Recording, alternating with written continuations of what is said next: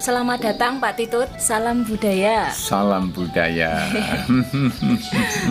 Gimana kabarnya Pak Titut? ya, ini alhamdulillah sehat, waras, selamat tur bener-bener bergas. Ya. Good ya Pak ya. Iya. Pak Titut, nih Nggih. sepertinya banyak nih ya yang penasaran dengan Pak Titut Iya. dengan aksi-aksinya yang katanya itu fenomenal. Wah. Iya, nih katanya nih ya Pak Titut itu pernah beraksi dikubur hidup-hidup. Wow. Lalu pernah juga melukis di kuburan Iya, iya, iya. dan banyak lagi yang lainnya. Kok kenapa sih Pak Titut bisa melakukan hal-hal seperti itu, Pak? Jadi itu aku itu menikmati hidup saja dengan tiba-tiba pada istri dan anak-anak aku ingin berteater tapi dikubur hidup-hidup.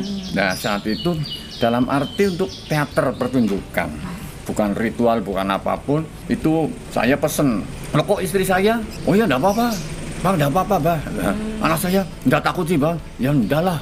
Lah, terus teman-teman pada datang, serius ini? Oh iya. Akhirnya saya minta sama Kayim, minta kain kafan yang ada di tempat Kayim itu. Loh, temenanan. Ya saya temenanan.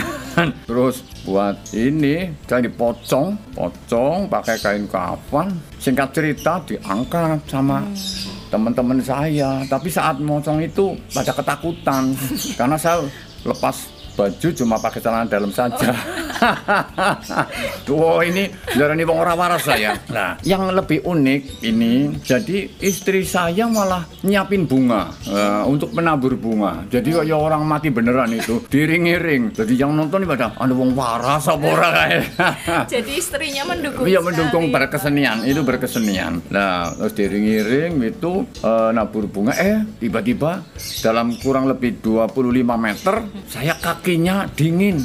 Loh saya kaget. Duh, kok sikilnya adem banget. Loh sing gotong saya itu abot banget abot banget. Loh, saya ngomong goblok goblok aja tibakna tibakna ditambahi tambahi kunyung mati temenan.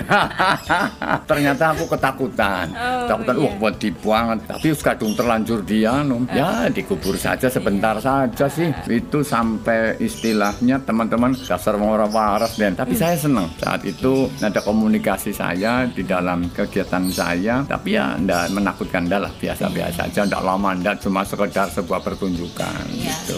Dan waktu itu banyak sekali yang nonton ya. Iya banyak itu karena teman-teman seniman juga pada ikut terus lingkungan gitu ya ceritanya seperti itu gitu jadi sebuah kenikmatan yang kadang-kadang orang anggap ya memang saya tidak waras memang Jadi se- seperti seniman gila gitu. Nah, ya terserah apa kata orang yang penting saya waktu itu menikmati dan istri anak juga tidak masalah gitu Kalau yang melukis di kuburan itu Oh iya, itu saya melakukan melukis di kuburan itu malam hari. Nah, terus apa ya? Pakai lilin ada 15 lilin tiba-tiba saya sudah siapin lukisan lagi melukis eh, ada berita lelayu. Wow, berita lelayu ada suara bahwa ada orang mati. Lah, akhirnya teman-teman saya pada bubar, eh, ditinggal di situ di kuburan. Tapi saya langsung melukis sendiri langsung jadi itu tak lukisannya saya bawa itu. Tapi teman-teman udah bubar karena keranda mayatnya itu mau dibawa untuk bawa Orang yang meninggal. orang meninggal loh, jam 11 malam. Nah, tapi asik juga sih. Saya memang bukan sekali untuk melakukan kegiatan seperti itu hanya untuk berkomunikasi saja dengan alam malam hari di kuburan. Ternyata di dalam di tengah-tengah kuburan juga apa suasananya tidak begitu menakutkan nyaman-nyaman saja dan rasa tenang itu. Iya. namun teman-teman saya kan pada lari gitu ya. ya itu sekedar sebuah cerita pengalaman dari perjalanan saya berkesenian.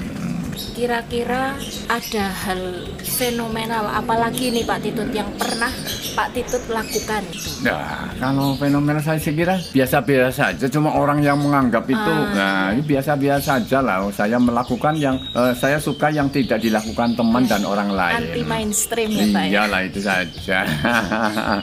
saya melakukan pertunjukan di sungai waktu itu di sungai ada tarian sama istri di sungai ditabui sama calungan tapi saya pakai ketek di di tengah-tengah sungai mengalir gitu. Ya itu Di sungai eh, mana Pak? Sungai Jengok ya di desa saya di desa Pengabatan saat itu.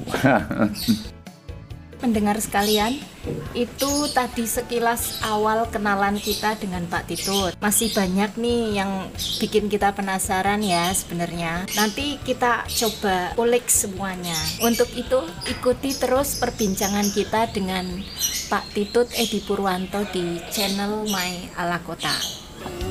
tua ora wedi kesel sanajan tua esi seneng nyambut gawe.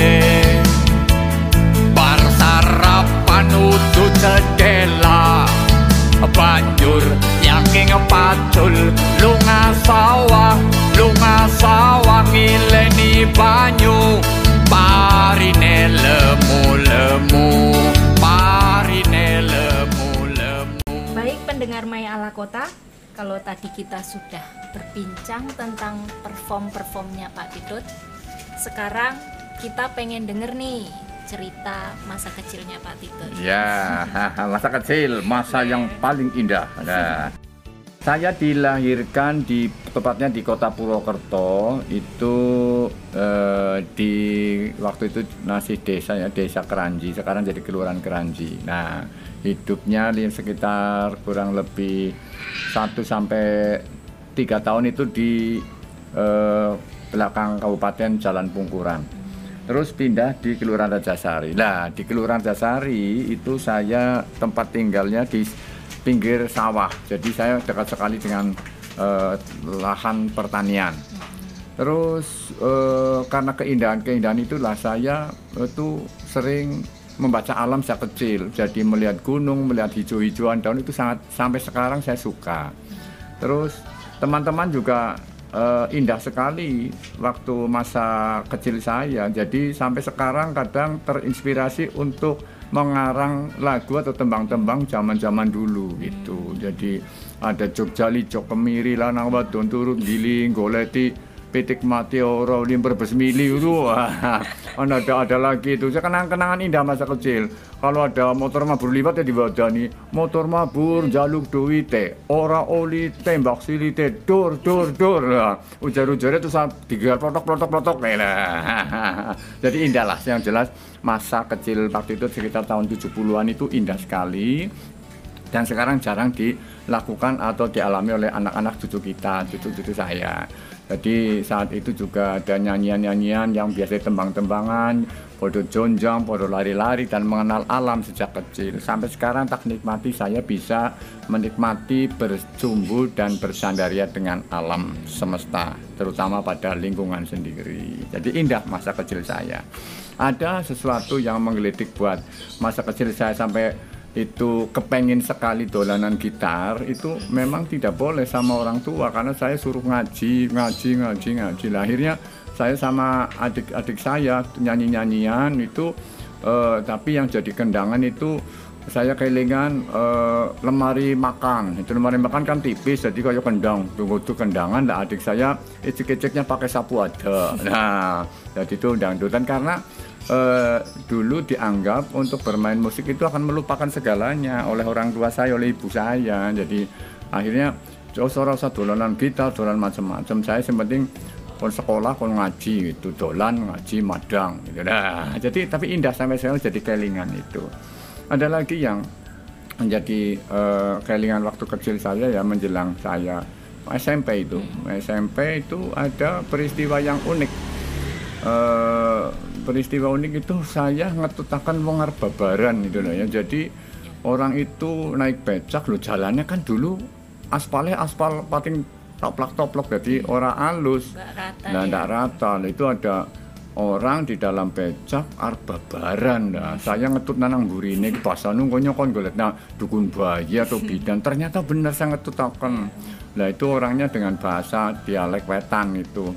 Sing sabar le, sing sabar le, kosik le, kosik. Aku ngetut nah baik ngomongnya modelnya udah wong Pak udah wong Banyumas. tiba tiba-tiba di depan eh, lapangan Porka Purwokerto owe owe owe Itu di jalan, di jalan jadi gigal bayinya nenggon becak akhirnya saya bener kon golekna wong itu loh. Jadi itu peristiwa yang bagi saya sulit untuk dilupakan. Banyak lagi peristiwa-peristiwa masa kecil yang unik-unik Ya. ini lah ada lagi yang waktu saya sama teman-teman lagi ndak dolan eh, ngiringi kebo angon angon kebo sama teman-teman namanya Sutiar sama Sainu.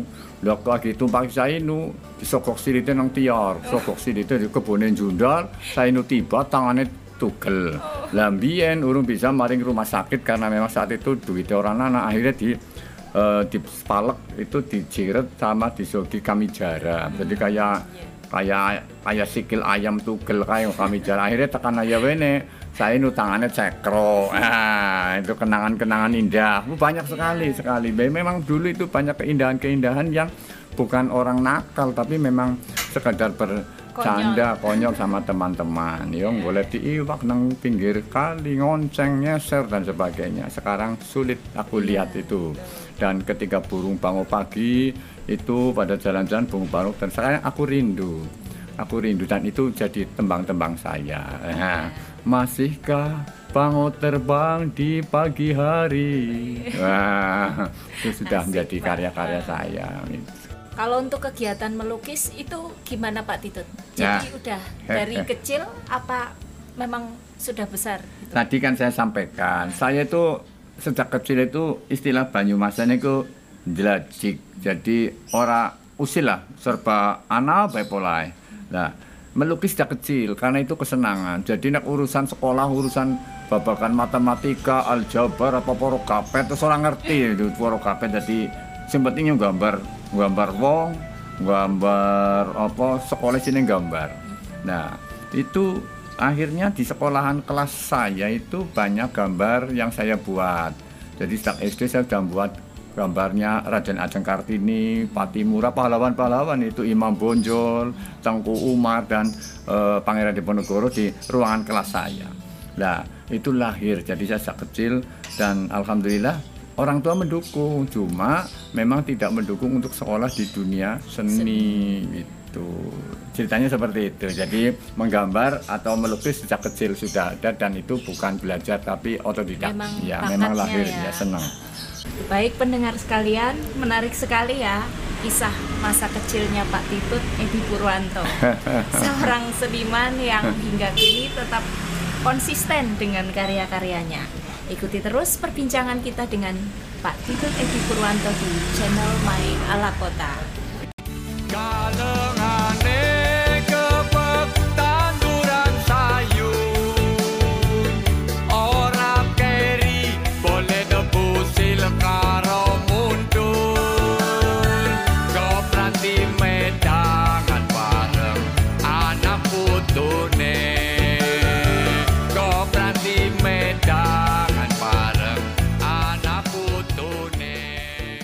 Saya dengar Pak Titut suka nyanyi di YouTube dan juga suka bikin lagu yang Oh. tergolong anti mainstream. Wah.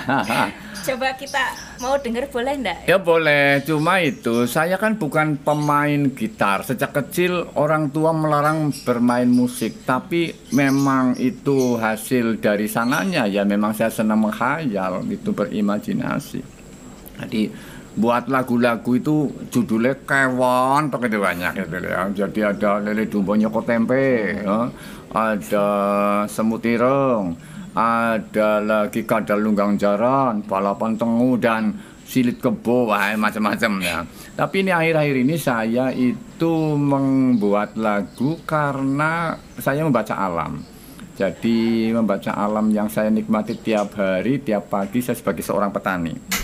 Jadi ini eh, lagu yang barusan saya eh, buat yaitu satu ini eh, Kuntul Mabur. Nah, terus Nini Nini, terus kaki inyong, ora beti kesel. Jadi itu. Jadi ada lagi lagu Wedus Gembel Regu Tugan. Apa yang sudah direkam itu di YouTube itu salah satunya ya kaki nenyong ora wedi kesel. Ya. Mungkin Pak Titut bisa nyanyi nih kita mau denger Wah. yang mana ini kira-kira Ya.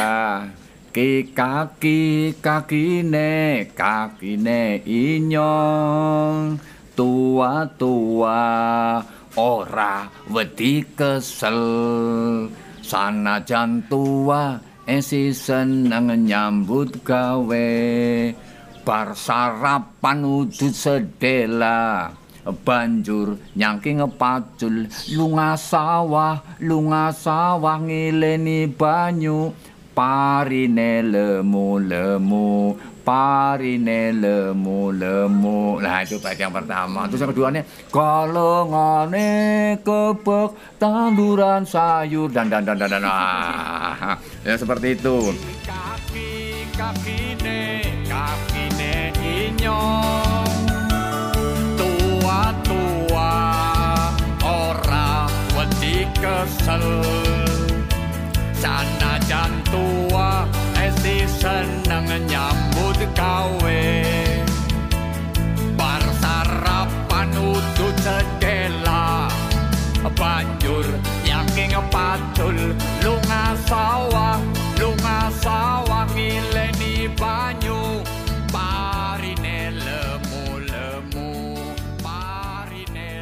Pak Titut lagunya ngaransemen sendiri atau gimana itu Pak? Recordingnya di mana? Itu yang buat itu Tuhan mempertemukan saya dengan Mas Gatut Budi Santoso yang beralamat di Berkoh Purwokerto Vanada Pro nah itu yang menjadi sebuah nilai salah satu dalam hidup saya dipertemukan dengan gelombang yang indah Sobat pendengar yang masih setia dengerin kisah Pak Titut, sekarang kita mau nanya-nanya lagi ya. Kali ini kita mau tahu nih, apa sih yang bisa diharapkan dari kegiatan seniman Pak?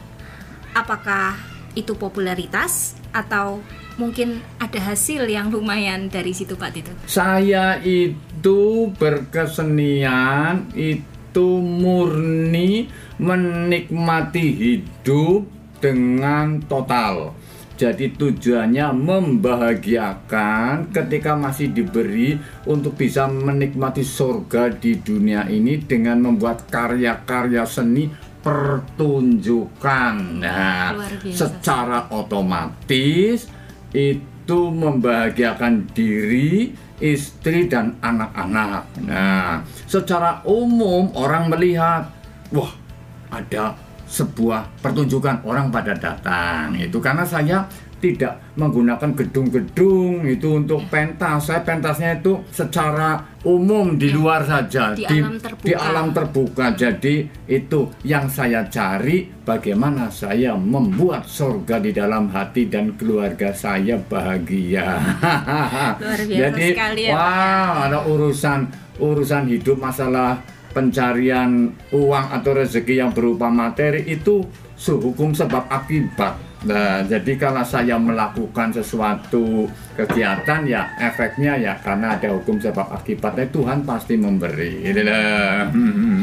Terus kalau begitu untuk mencukupi kebutuhan hidup, kira-kira apa yang Bapak lakukan selama ini? Oh, saya itu petani, Mbak. Jadi saya itu setiap hari itu melakukan kegiatan dengan upaya menanam dan bercinta dengan alam. Jadi saya itu berkebun, kebun sayur, tanaman semusim, tanaman musiman dan tanaman tahunan. Jadi saya ada pendapatan yang saya tanam dari hasil berkebun itu salah satu bagian daripada kegiatan saya ada teater di situ. Jadi setiap hari saya berteater, hidup itu berteater. Ya.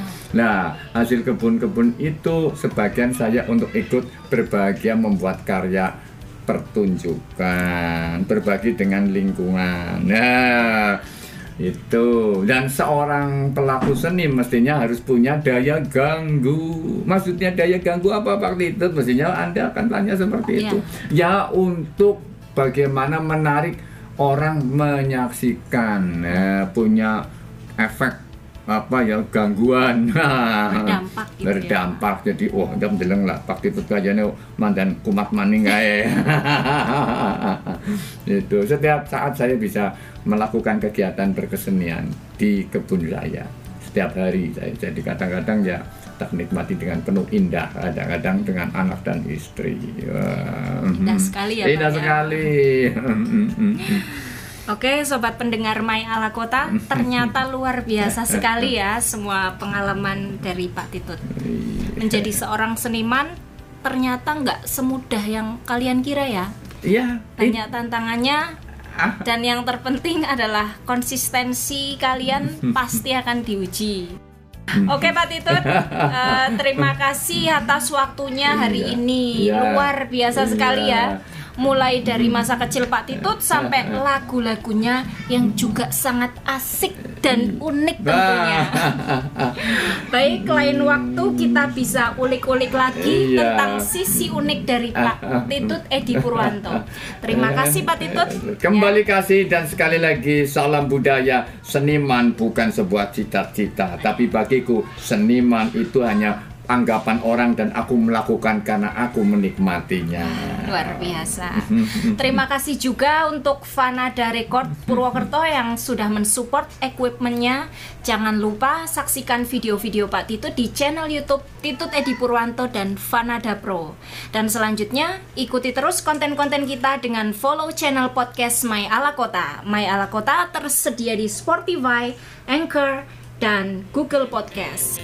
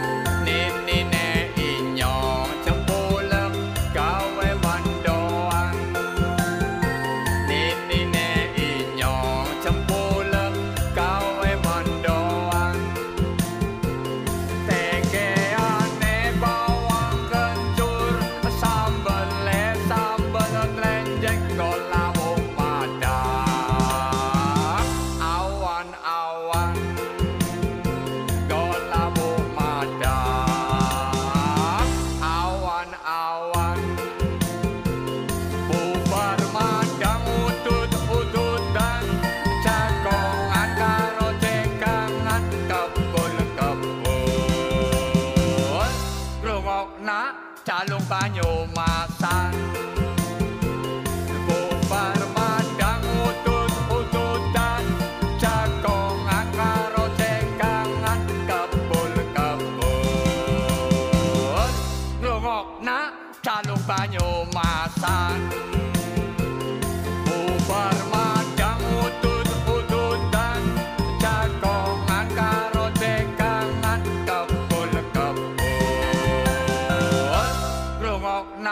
calung Banyumasan